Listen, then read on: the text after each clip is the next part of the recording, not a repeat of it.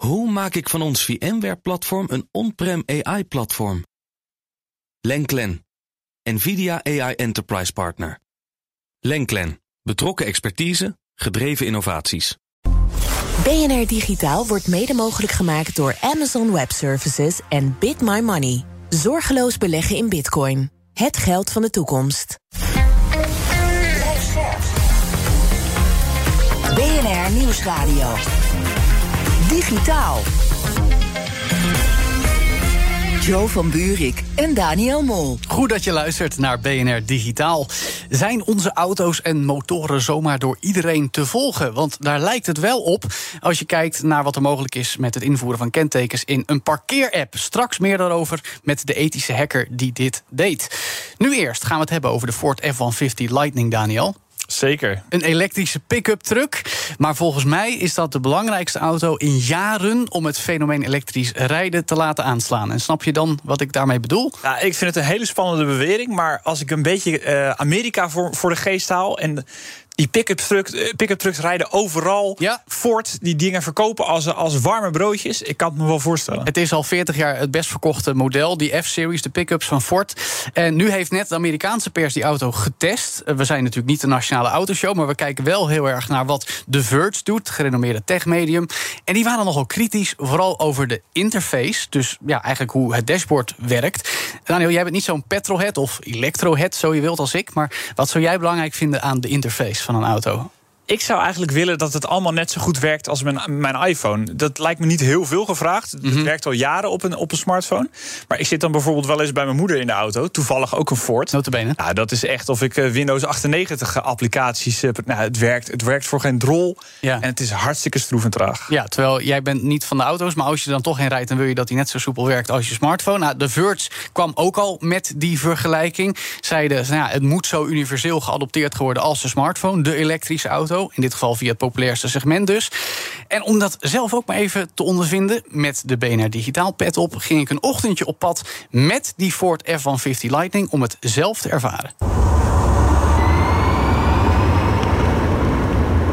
Ford Sync, het eigen systeem van Ford, heb ik hier voor me op een nou ja, oversized iPad zoals we die ook kennen in Tesla's. Maar dan dus in de Ford F-150 Lightning. In de Amerikaanse media wordt er nogal wat geklaagd over de interface van deze auto. Dat die heel traag zou zijn.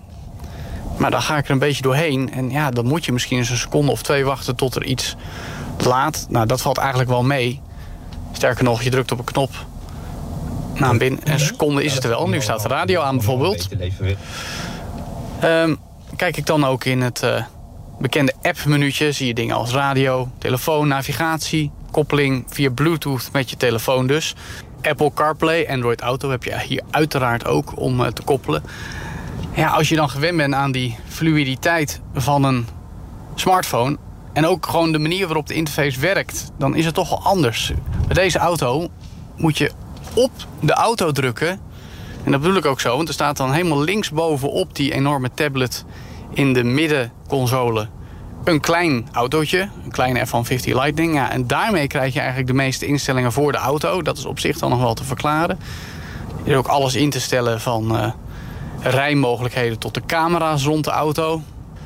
Maar het valt me alleszins mee dat je kan gewoon iets aantikken en ja, het, het doet het gewoon. Het is niet zo soepel als een iPhone of een uh, goede Android smartphone. Maar dat werkt wel prima. Dus wat dat betreft zijn de klachten van de Amerikaanse techmedia misschien niet heel erg gegrond. In ieder geval niet in mijn beleving. Maar ik kan me wel voorstellen dat om dit echt te doen laten slagen... er nog wel wat meer aandacht mag naar de manier waarop dit soort interfaces werken. Juist als die elektrische auto's verder moeten aanslaan. De norm moeten worden. Eigenlijk zoals de smartphone dat ook geworden is. Dan wil je gewoon een perfecte manier van gebruiken. Perfecte usability. Het moet natuurlijk voelen en de interface moet er gewoon perfect zijn. Ja, dat geldt natuurlijk nog lang ook niet voor alle smartphones. Maar ik moet zeggen, bij deze F-150 Lightning valt het me alleszins mee. Dus laat hem naar Europa komen. Dat is dan weer nog niet duidelijk. Maar als ik hem zou kunnen krijgen... dan zou ik hem in ieder geval gelijk willen hebben. En is de interface voor mij in ieder geval geen reden om links te laten liggen. Joe, hoe succesvol gaat dit worden, denk je? Ik, ik, ja, we moeten naar minder fossiele brandstoffen. Maar zo'n Amerikaanse pick-up truck, dat moet toch gewoon een ronkende benzinemotor hebben? Nou ja, voor mij niet. Nee, oké. en voor Ford ook niet. Uh, nee, ja, ik was altijd petrolhead, maar ik snap echt wat elektrisch rijden de toekomst heeft. En Ford zet er heel erg op in. Uh, ze hebben bijvoorbeeld ook de Mach-E, die is dan wel in Nederland al een tijdje leverbaar. Die F-150 Lightning komt voorlopig nog niet naar ons land. Ze hebben wel andere bedrijfswagens, want dat zijn dit eigenlijk, met dezelfde techniek. De e-Transit Custom, hetzelfde accupakket. En er zitten allemaal stopcontacten op allebei die auto's, zodat je gereedschap, maar ook je laptop kunt aansluiten. Dus ik snap wel dat dit gewoon heel erg slim is uitgevonden. Uh, en in dat opzicht gaan ze nog een stapje verder dan smartphones. Want sinds kort kun je dan ook met smartphones andere dingen opladen als je zou willen. Maar je kan dus veel meer met het fenomeen auto door hem elektrisch te maken. En veel meer mensen ermee in aanmerking te laten komen. Ja, oké, die snap ik. Maar dan moet je me toch nog even overtuigen, zeg maar, van het. Wat is er nou zo geweldig aan zo'n pick-up truck? Ik, ik heb dat ding zien staan hier voor, voor de Mhm. studio van BNR. Nou, ik kan niet voorstellen dat dat eh, langs de Amsterdamse grachten kan Nee, rijden. nee, het is misschien ook niet heel geschikt voor de Nederlandse markt. Ik vind het gewoon vet. Ik kan ook niet zo goed verklaren waarom ik het vet vind. Uh, maar het, het, is, het is de smartphone op wielen. Hij, hij heeft iets begerigs. Uh, en ja, je kan er gewoon uh, een hele nieuwe vrijheid mee ontdekken. Hij past alleen betreft- niet in je broekzak. Eh, nee, dat klopt. Maar, oh, en ook niet in mijn garage trouwens. Dat is nog wel een probleem. Digitaal. Maar goed, eh, parkeren moet toch. En daar gebruiken we apps voor in Nederland eh, tegenwoordig. Als je in parkeergarages en sommige parkeerplekken open eh, willen staan. Maar dat levert ook een flink privacyrisico op. Want met de kentekens van voertuigen-eigenaren... kon de Belgische ethische hacker Inti de Keukenlade... de locaties van automobilisten gemakkelijk volgen. En dat is serieus gevaarlijk. Over het hoe en waarom, hoe dit nou allemaal zit... spreken we nu op afstand met Inti zelf. Inti, welkom in BNR Digitaal. Goedemiddag. Hi. Ehm, wat heb jij precies ontdekt met je experiment? Ik heb gezien dat het belachelijk eenvoudig is om elkaar te gaan volgen aan de hand van een nummerplaat en via een parkeerapp. Um, dat is kinderlijk eenvoudig op de volgende manier. Uh, je gaat een parkeerapp gaan downloaden. Je voert de nummerplaat in van de persoon die je wilt volgen. Vervolgens klik je op nummerplaatherkenning aan. Je linkt je betaalgegevens en op dat moment, de volgende keer dat de persoon die je wilt volgen een slimme parkeergarage gaat inrijden, ja, dan krijg je daar direct een melding van. Je gaat ook wel voor die parkeersessie gaan betalen, uh, maar dat is de grote kost nu, nu ook weer niet voor stalkers. Ja. Het verontrustende is dat iedereen hiervoor kan vatbaar zijn. Zelf al gebruik je een parkeerapp niet. Ik kan gewoon jouw nummerplaat gaan invoeren en zonder dat je het weet, kan je op die manier uh, toch achterhaald worden. En dat lijkt mij een gigantisch probleem. Ja. Heb je dit nou volgens één methode gedaan of zijn er verschillende Nee. mechanieken? Nee, dus wat ik net heb beschreven is de uh, grootste methode. Daar heb ik de meeste mensen mee kunnen uh, opsporen. Ik heb, uh, om even context te scheppen, ik heb de afgelopen 100 dagen een experiment gedaan met 120 verschillende auto's. En die hebben daar wel voor ingetekend. Mm -hmm. Maar die wisten natuurlijk niet op welke manier ik hen ging achterhalen. En wat heb ik dan gedaan? Ik heb op drie verschillende manieren getracht om zoveel mogelijk locatiegegevens van die auto's te gaan terugvinden. En op 100 dagen tijd heb ik voor maar liefst 29% nu al uh, kunnen achterhalen. Echt de exacte locatie van die auto's. Wat dat toch wel een substantieel uh, getal is. Nu, een andere methodiek die ik ook had gevonden, uh, die slaat op het straatparkeren. Dus het is niet alleen de parkeergarages die beïnvloed zijn, maar ook als je een nummerplaat moet uh, achterlaten in een parkeerpaal bijvoorbeeld, voor bijvoorbeeld een gratis kwartiertje te parkeren. Ja. Ik geloof dat ze in Breda zo'n systeem hebben. Ja, dan kan een aanvaller heel makkelijk in zijn app gaan zien of dat jij je gratis kwartiertje met dat nummerplaat al gebruikt hebt. Ik heb dat geautomatiseerd. Ik heb een toeltje gemaakt dat alle parkeerpalen van België, want daar is het experiment geweest, gaat aanspreken met al die nummerplaten die ik wou trekken. En daar heb ik ook heel veel mensen gewoon gratis kunnen trekken. Het kost mij niets. Ik kreeg dan een melding. Deze persoon heeft hier vandaag gratis geparkeerd. Ja. En je merkt helemaal niets van. Nee, nou, nu zeg je al, je hebt een tooltje gebruikt. Maar um, is dit ook voor mij, ik ben geen ethisch hacker, ik heb geen programmeerkennis, uh, te doen? Kan ik ook gewoon, uh, even los van die tweede methodiek die je net beschreef, maar zo'n app gebruiken om een kenteken van de auto van een ander in te voeren en betalingsgegevens achter te laten en dan diegene volgen? Is het zo kinderlijk eenvoudig voor iedereen te doen als ze zouden willen?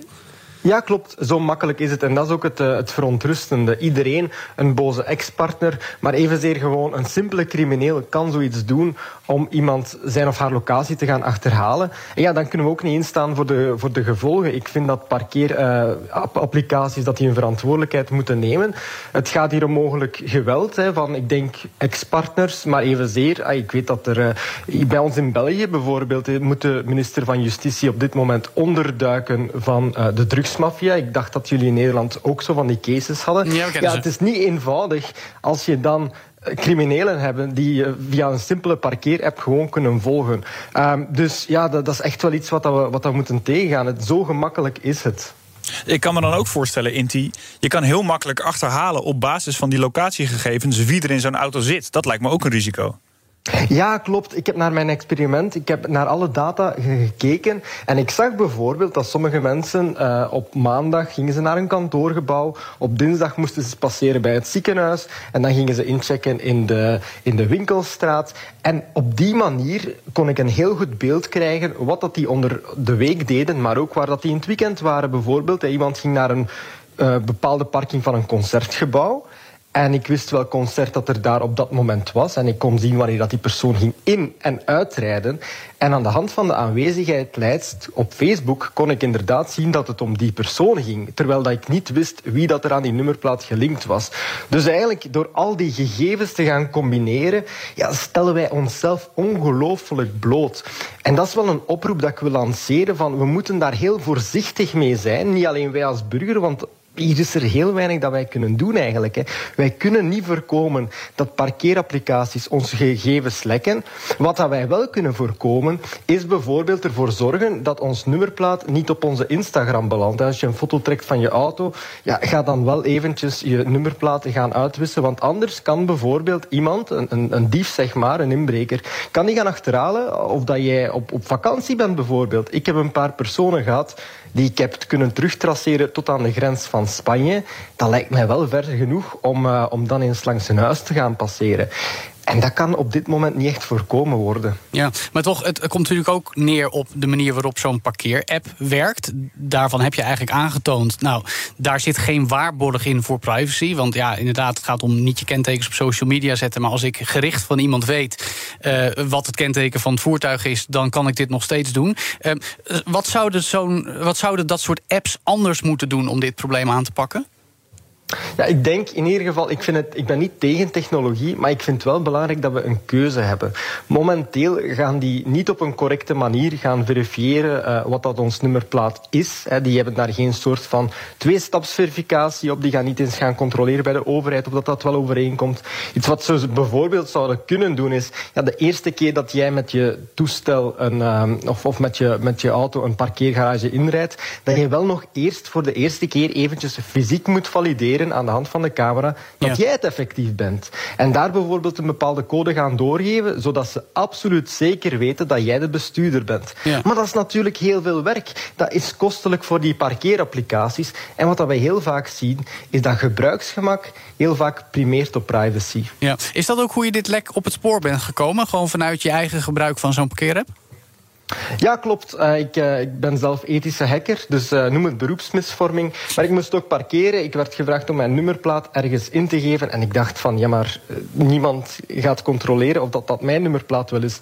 Ik heb dat toen geprobeerd met een collega van mij. Ik kon direct zien wanneer dat hij op het werk toekwam. Heel handig. maar dan ben ik dat gaan ja, vertalen naar de algehele bevolking.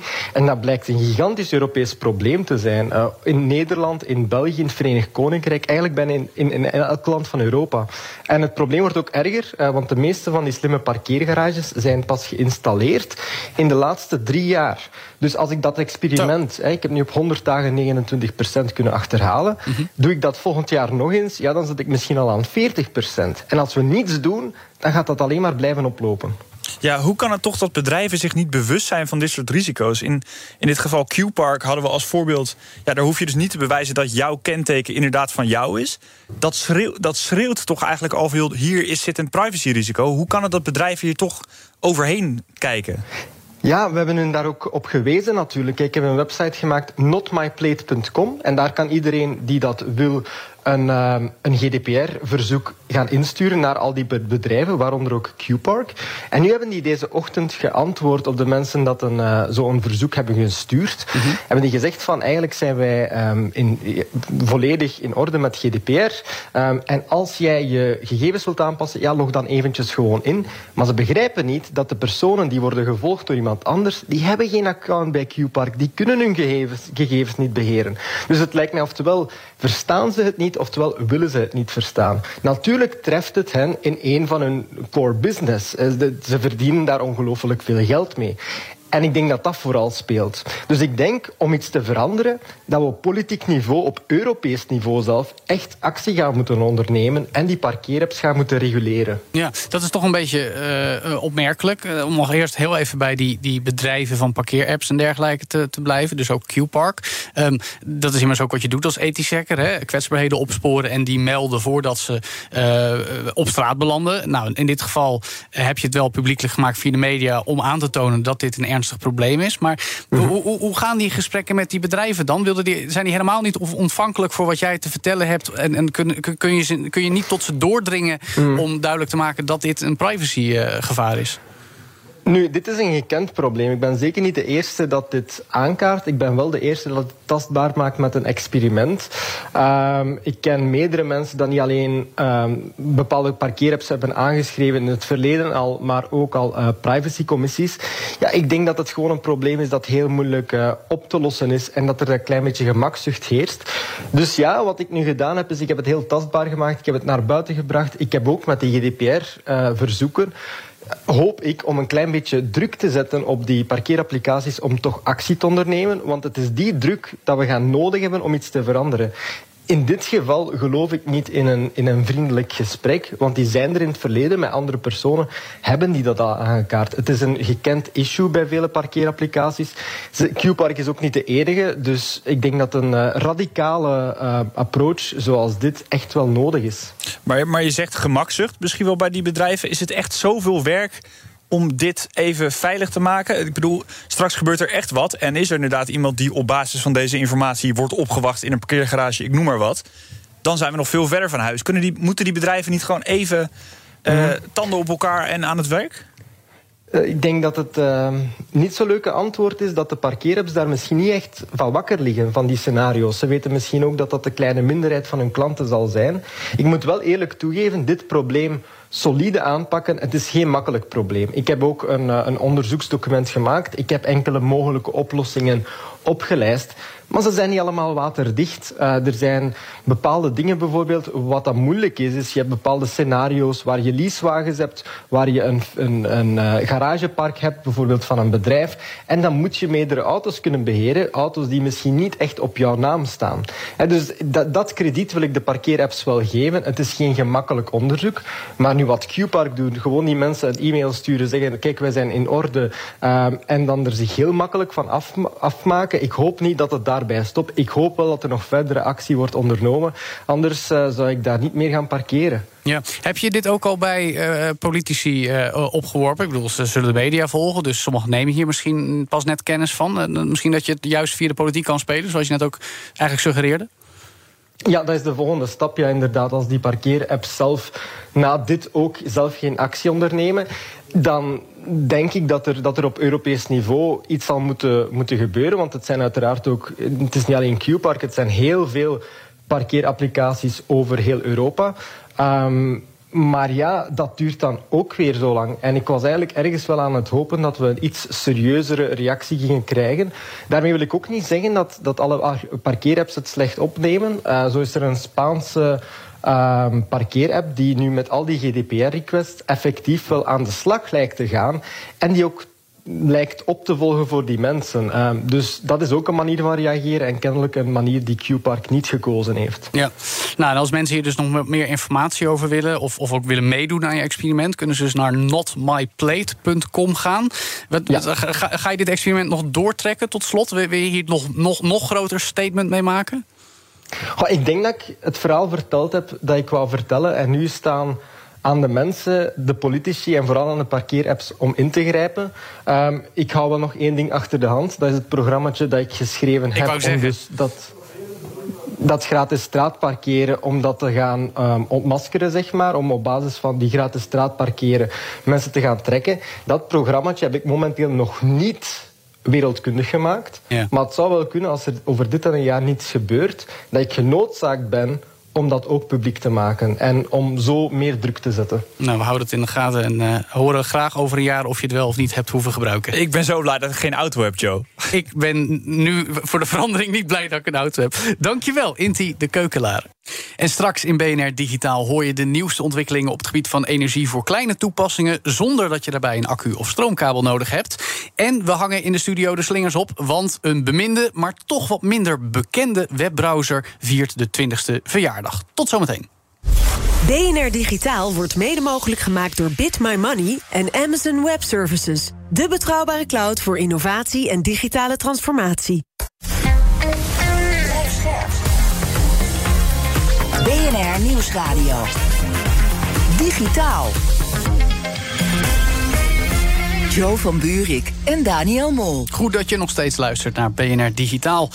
Google Chrome, Microsoft Edge of toch Mozilla Firefox, hè Daniel? Zeker, ja, dat is een grote keuze. Precies, naast Apples eigen Safari voor de Mac-gebruikers... toch wel de internetbrowsers van vandaag de dag. En één van al die browsers bestaat nu precies 20 jaar. En dat gaan we straks bescheiden vieren. Want eerst...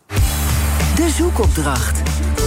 En een interessante zoekopdracht vandaag in de categorie energie. Want we zijn een stap dichterbij het nooit meer vervangen van batterijen. Tenminste, in toepassingen zoals sensoren en microcontrollers. En dat weten we nu dankzij nieuw onderzoek uit Luxemburg en Japan. Daar werd gekeken naar elektriciteit die is opgewekt uit veranderingen in temperatuur. Om dit toe te lichten is nu bij ons Mark Beekhuis, onze energie- en klimaatverslaggever bij BNR. Welkom, Mark. Joe. Nooit meer batterij vervangen. Dat idee vind ik heel leuk, dat snap ik wel een beetje. Maar temperatuurverschillen omzetten in stroom, dat is nieuw. Leg even uit. Ik zou je zeggen, dat was ook nieuw voor mij. Maar je vroeg, als je iets neurderigs over uh, energie tegenkomt... wat we in digitaal kunnen bespreken. En toen zat ik net met een artikel uit Nature voor mijn neus... over pyro-elektrische modules. Nou, fantastisch. En ja, precies. maar dat is echt heel nerdig en het is ook heel leuk. Je kent uh, die kleine luidsprekertjes die in verjaardagskaarten zitten. Ja, zeker. Uh, heel irritant die hoort klinken. En die zaten ook vroeger zat er zo'n soort dingetje, zo'n soort luidsprekertje achter in je digitale horloge. Ja.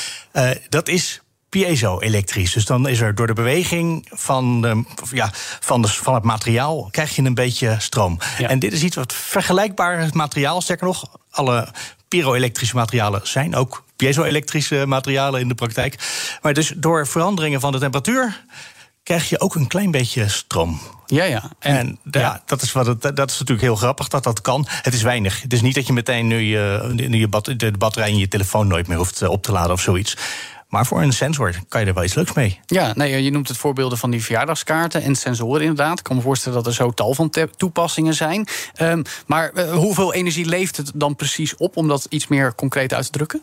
Weinig. Een paar joule per uh, cyclus. Dus als je hem uh, heen buigt en weer terugbuigt, dan krijg je, wat was het, 11,2 joule kwamen ze uiteindelijk op. Mm -hmm. Dus dat is, uh, nou, dat, dat, daar kan je niet iets belangrijks, daar kan je geen computer op laten draaien, zou ik maar zeggen. Ja.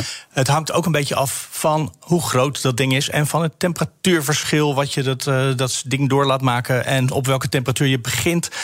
En uh, tot nu toe dacht iedereen eigenlijk altijd: er komt zo weinig energie uit dat je het eigenlijk alleen maar kan gebruiken als sensor. Dus je wil bijvoorbeeld warmtestraling meten. Of je wilt een brandmelder maken. Dat is ook een hele logische toepassing. Uh, dat kan je ermee doen. Maar nu hebben ze dus ja, door net een beetje een ander materiaal te pakken, in net een beetje andere setting. Uh, laten zien dat je er echt net genoeg stroom mee kan opwekken om een temperatuur, temperatuursensor, wat ze gedaan hebben, van stroom te voorzien. Of om een uh, microcontroller, dus dat is een soort uh, primitief computertje, mee aan de praat te houden. Ja, is er iets van een perspectief? Gaat het in de toekomst nog iets meer doen? Want ik bedoel, de computer of het internet begon ooit ook met bytes, gewoon simpele bytes. Hele kleine hoeveelheden. Ja, heb je, is er iets van perspectief of durf je dat nog niet te zeggen? Ja, ik zou eigenlijk uh, de, de, onderzoekers uh, zeggen, die, die komen vanaf de andere kant. Die zeggen, tot nu toe dachten we dat we er niks mee konden... en nu kunnen we er ineens iets mee. Nou, ja, dat, ja, dat ja. smaakt natuurlijk naar meer. Maar dit is, dit is al uh, wetenschappelijk gezien best een stap vooruit. Ja, en ik kan me ook voorstellen dat er allerlei mensen zijn die dit heel interessant vinden. Wie, wie zou dit verder kunnen willen gebruiken? Welke sectoren? Wat kun je daarover zeggen? Hey, iedereen die in de buitenwereld, misschien uh, op onherbergzame plekken waar je liever niet te vaak komt, een sensor op wil hangen. De, aan de rand van een vulkaan of zo. Of mm -hmm. uh, op de Zuidpool waar je één keer heen gaat en dan laat je het. Uh, en dan hoef je daar dus niet meer heen. Uh, ik dacht ook, misschien de ruimtevaart is Ja. een handige sector. Als je dan met zo'n satelliet die draait rondjes... dan is het de ene moment zit je vol in de zon, is het heel erg heet. Het andere moment zit je met een slagschaduw... en is het ineens 270 graden onder nul. Ja, daar kan je dan dus, als je maar snel genoeg draait... kan je daar misschien voor een deeltje van de satelliet ook wel iets mee. Ja. Eh, overigens, dit onderzoek wat ze nu gedaan hebben... ging niet over zo'n enorm verschil tussen eh, vol, heel erg heet en 270 graden. Maar ze hebben ook een eh 10 graden Celsius eh, verschil van 25 naar 35 graden gedaan. En de- en ook dan kwamen ze tot... eh, nou ja, daar, daar kwam die eh, 11,2 joule per eh, cyclus vandaan. Ja, dus dan heb je het eigenlijk over kamertemperatuur. Hè? Eh, ka- kamertemperatuur. ietsje warmer. Ja, ja. En en dus toepassingen zoals die verjaardagskaarten... die je in principe gewoon in je huiskamer openmaakt natuurlijk. Ehm, is dit soort technologie duur om verder te ontwikkelen en toe te passen? Het is heel simpel. Dus het moet heel goedkoop kunnen. Net als dat eh, luidsprekertje. Er zit niet voor niks een eh, piezo-elektrisch eh, kaartje, luidsprekertje in een verjaardagskaart. Dat is namelijk omdat het niks kost. Dat heeft dit ook. Er zit trouwens nog iets wat ik ook wel even denk ik moet noemen. Ja. Het is energie waar geen, geen vervuiling van komt. Want je beweegt gewoon een, een dingetje heen en weer. Hè, door warm en koud, warm en koud. En daar komt geen, geen CO2 van vrij, geen methaan, niks. Ultieme groene stroom, Mark Beekhuis. het is, ja, het is niet ultiem, want het, daarvoor is het dus te klein. Maar het is, wel, het is wel echt een groene stroom. Ja. Zeker. Ja. Ehm, humble beginnings wellicht, eh, maar toepassingen in het veld eh, in de komende jaren al? Of hebben we echt nog heel veel onderzoek nodig voordat eh, er echt veel toepassingen zouden komen, denk je? Ik denk dat iedereen die dat heel graag wil, dit artikel... en die daar, gewoon die mensen die dit willen gaan gebruiken... dat die misschien dat eigenlijk zelf wel in elkaar kunnen fabrieken. Maar dat is, dit is voor nerds, wat ik al zei. Ja. En ik, ik denk niet dat je dit ooit van... eh, dat dat ooit in een, op een supermarkt in het schap of zo komt te liggen. Daar geloof ik dan weer niet. Ja, behalve die verjaardagskaarten, die liggen wel gewoon in de supermarkt. Jawel, maar je gaat toch geen verjaardagspraat maken die stroom opwekt door de warmte en koude van de groet of zo. Die er, nou, dat, Volgens mij zou jij nee. ertoe in staat zijn, Mark. Ja, dan wel, ja. Oké, ja, misschien zijn er toch een paar mensen die dat nodig hebben. Leuk. Nou, houd ons op de hoogte als er weer een dergelijke doorbraak is. En dan eh, horen we weer van je. Mark Beekhuis, onze energie- en klimaatverslaggever bij BNR. Jo van Buurik en Daniel Mol. En dan is het nu feest bij BNR Digitaal. Want Mozilla Firefox is 20 jaar oud. Hoera! Hè, Daniel? Hoera! Ik ben helemaal, helemaal blij voor Mozilla nou, Firefox. ik wou zeggen, twee decennia geleden was deze open source webbrowser al de belangrijkste uitdager voor Internet Explorer, van Microsoft natuurlijk. Vandaag is het vooral het alternatief voor de browser van die andere grote techreus, Chrome van Google. Maar hoe moeten we vandaag de dag al deze grote der webbrowsers bij elkaar beschouwen?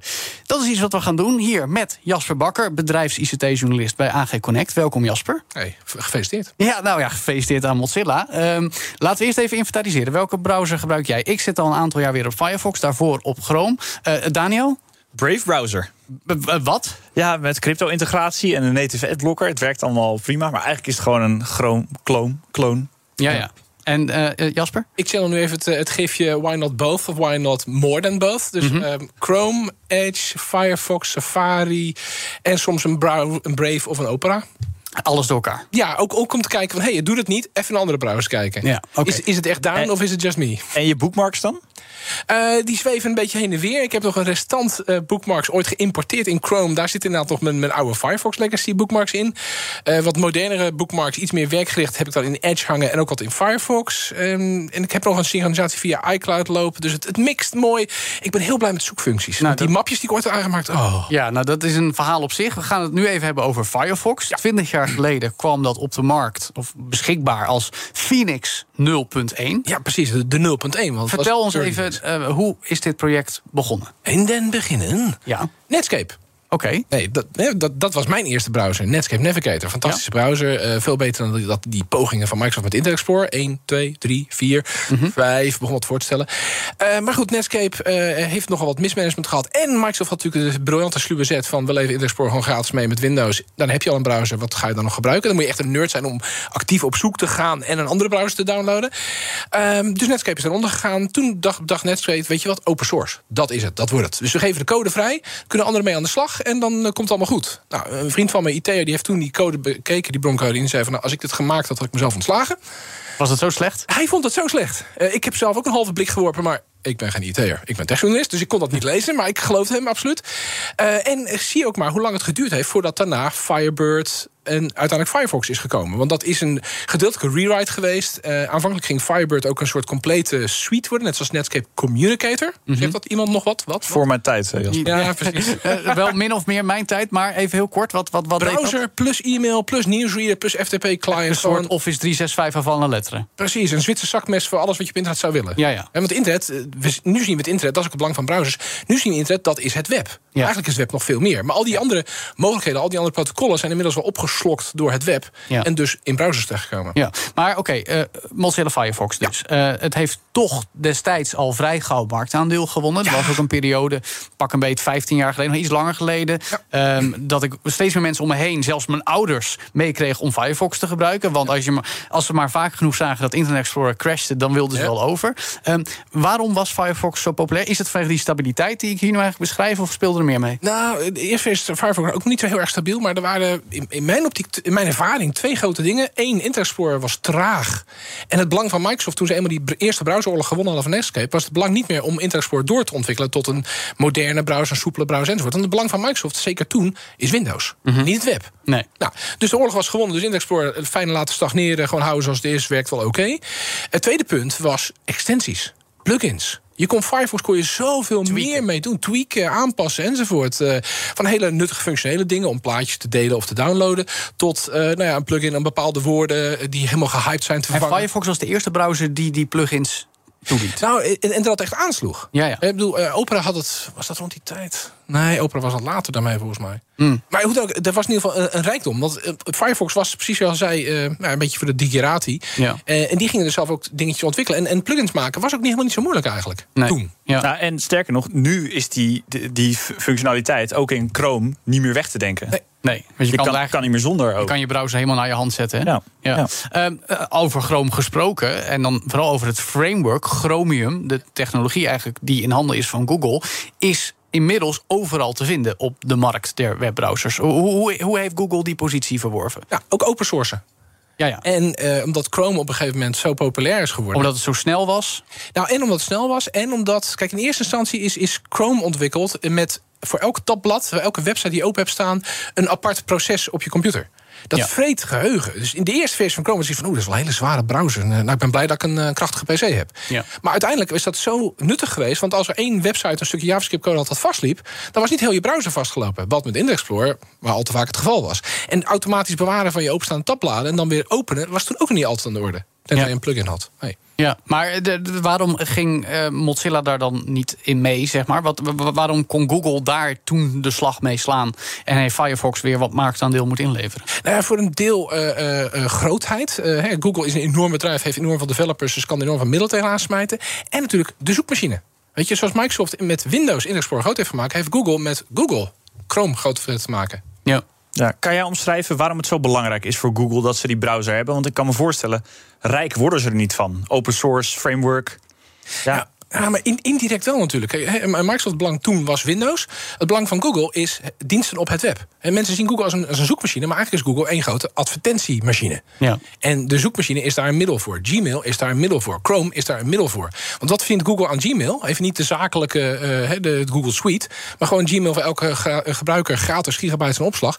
Data, data, data, data... om ads weer te kunnen, gerichter te kunnen maken. Dus Chrome is niet een, een doel, maar Chrome is een middel. Ja. Wat, wat, even op Mozilla inzoomend. Hè. Wat, wat- het is absoluut geen techreus zoals Microsoft en Google. Nee, het is een stichting. Het is Ja. open source. Geen winstoogmerk. Daarom. En dat- Idealisten. maar heeft het dat ook altijd eh, goed weten vast te houden in die 20 jaar tijd? Of zijn ze ook allerlei kanten opgeslingerd om zich te kunnen blijven meten met die techreuzen die met hun concurreren? Nou, eh, ja, en eh, het zijn eh, concurrenten, maar ook eh, geldschieters. Mozilla eh, dankt een groot deel van zijn bestaan aan een search deal met Google. Want wat is de default search engine in Firefox? Google. Ja, dus Mozilla verdient geld omdat ze Google als standaard zoekmachine toelaten. Precies, en daarmee kunnen ze Firefox ontwikkelen. Maar het ontwikkelen van een eigen browser engine... want we hebben hier echt over van de bottom-up tot aan de frontend... Ja. dat is iets heel anders dan, en dan zeg ik even heel simpel... Edge, wat gewoon de Chromium-code past... daar bovenop wat voortbouwt. Is ook Ja. niet simpel, maar het is minder werk dan een hele eigen engine... onder, blijven onderhouden. Maar hoeveel geld is er heel erg bij zo'n deal gemoeid? Is dat eh, de belangrijkste kurk waar Mozilla dan op drijft? Ja, in de afgelopen jaren is dat 60 tot 80 procent geweest van de inkomsten van Mozilla. Want de Oh. stichting, dus eh, heel veel commerciële deals eh, kunnen ze niet, willen ze niet. Eh, Nee. Idealisten zijn het. Dus ze zijn afhankelijk van donaties, van hier en daar wat slimme ja, eh, dealachtige dingen. En die grote search deal, want dat is wat ze te verkopen hebben. Het belangrijke zoekveld. Ja. Eh, maar hoeveel ermee gemoeid is? Nou, eh, miljoenen. Ik heb, Ja. ik heb het al een tijdje niet meer opgezocht, maar er waren toen tientallen miljoenen mee gemoeid. Maar goed, zet dat tegen- tegenover de miljarden die Google kan besteden aan een middel als Chrome voor het doel van ads. Ja. Ik weet ook dat Apple het voor hun Safari-browser hebben ze ook de Google als search engine. En daar betaalt Google ook Ja. rijkelijk voor. Volgens mij gaat het daar zelfs om miljarden. Ja, zeker. En dan gaat het ook om miljarden op de iPhone natuurlijk. Ja, uiteraard. Maar daarvoor nog- zich. Ver daarvoor nog heeft Apple nog een mooie deal gesloten met Microsoft om Internet Explorer standaard op de Mac te leveren. Ver, ver, ver voor de iPhone. Ja, ja, ja. dus ja, nee, mijn geldschieter is mijn concurrent. En ja, dat, Ja. dat is tricky. Typisch ICT. Nog een keer terug naar Mozilla. Want vandaag de dag, nou, ik gebruik anno 2022 Mozilla Firefox alweer een paar jaar graag. Ehm, waarom zouden of moeten mensen Firefox gebruiken? Is dat tegenwoordig vooral een privacy kwestie? Is dat een gebruiksgemak kwestie? Wat, wat onderscheidt Firefox vandaag de dag van de andere browsers? Nou, de, de drie factoren. Eén, eh, nostalgie. Hè, de, de gunfactor die Netscape ook nog heel lang heeft weten vast te houden. Maar dat mag toch niet het belangrijkste zijn? zeggen? Nee, nee. Nee, nee, nee. Eh, Tenzij je zelf idealist bent, dat kan me voorstellen. nou twee, twee privacy en idealisme daarin. Ja. Ehm, Maar heb je ook echt betere privacybescherming in Firefox? Nou, dat is de vraag. Je hebt tegenwoordig een aantal browsers, bijvoorbeeld Brave, wat ook heel erg zich op de privacy richt. Die gebruikt Daniel, hè? Zeker. Precies, Daniel gebruikt hem en die weet waarom. Ehm, maar eh, belangrijk vind ik ook, want Brave is inmiddels is er ook een Chromium-aftakking. Ja, zeker. En Vanaf het begin al. En Opera, van origine een Noorse browser met een hele eigen engine, is ook een Chromium-aftakking geworden. Ja. Dus het is wat dat betreft een beetje, eh, kan er een aardappelziekte eh, dreigen. Dat alles is in de kern Chromium en daarbovenop een ander frontje. Ja. Zeg ik even heel, heel simpel. Behalve Firefox. Behalve Firefox. Die hebben nog steeds hun eigen engine. Die inmiddels was een leeftijd verraadt. Browsen in Firefox is minder vlot, minder soepel dan in Edge, Chrome, Brave, Opera, noem maar op. Maar ik vind het wel belangrijk dat er een alternatief blijft staan. Want Ja. het, in theorie kun je het gevaar hebben wat we toen met Internet Explorer 6 hadden: stagnatie. Ja. Want wat gebeurt er dan ook alweer? Voor de mensen die het niet meer weten? Nou ja, dan, dan krijg je dus dat bepaalde nieuwe functionaliteit... die misschien heel eh, opwindend of heel interessant is... maar voor de eigenaar van de technologie niet interessant... dat dat er niet van komt. Ja, ja. Nou hebben we het voordeel dat Google zijn belang is het web. Dus Google zal niet ontwikkelingen tegenhouden die bijvoorbeeld eh, ja, webapplicaties tegenhouden. Want dat was ooit de droom van Netscape al. En daarna van Mozilla, dat we straks niet meer applicaties voor Windows of voor Mac of voor whatever OS ook hebben.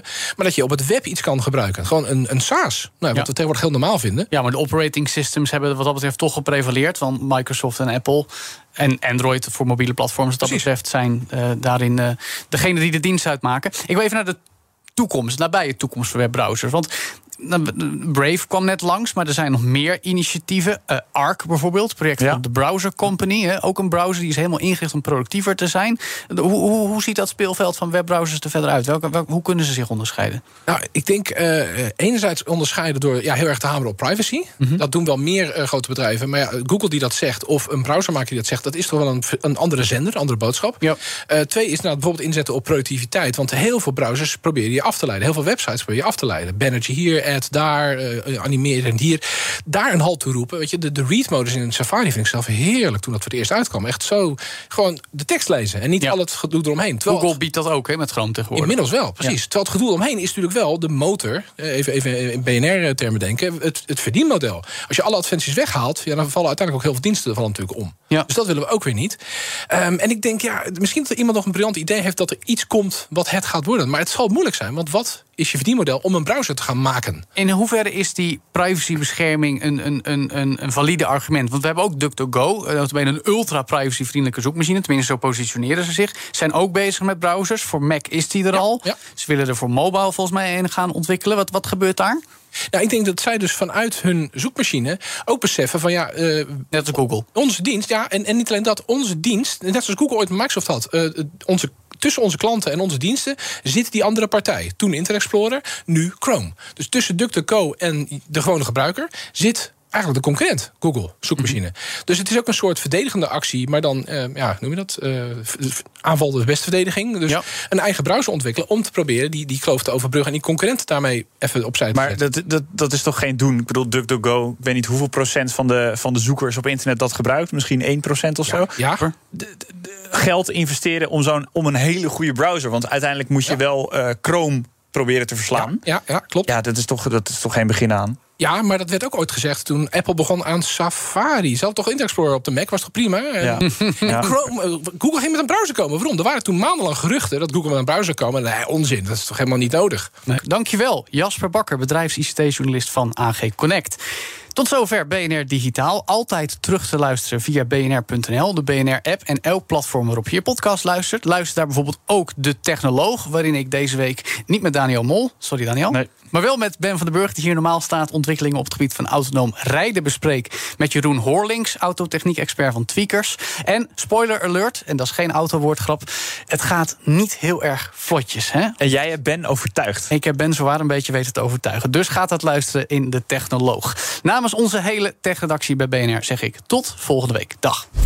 BNR Digitaal wordt mede mogelijk gemaakt door Bit My Money en Amazon Web Services. De betrouwbare cloud voor innovatie en digitale transformatie. Hoe maak ik van ons VMware-platform een on-prem AI-platform? Lenklen, NVIDIA AI Enterprise Partner. Lenklen, betrokken expertise, gedreven innovaties.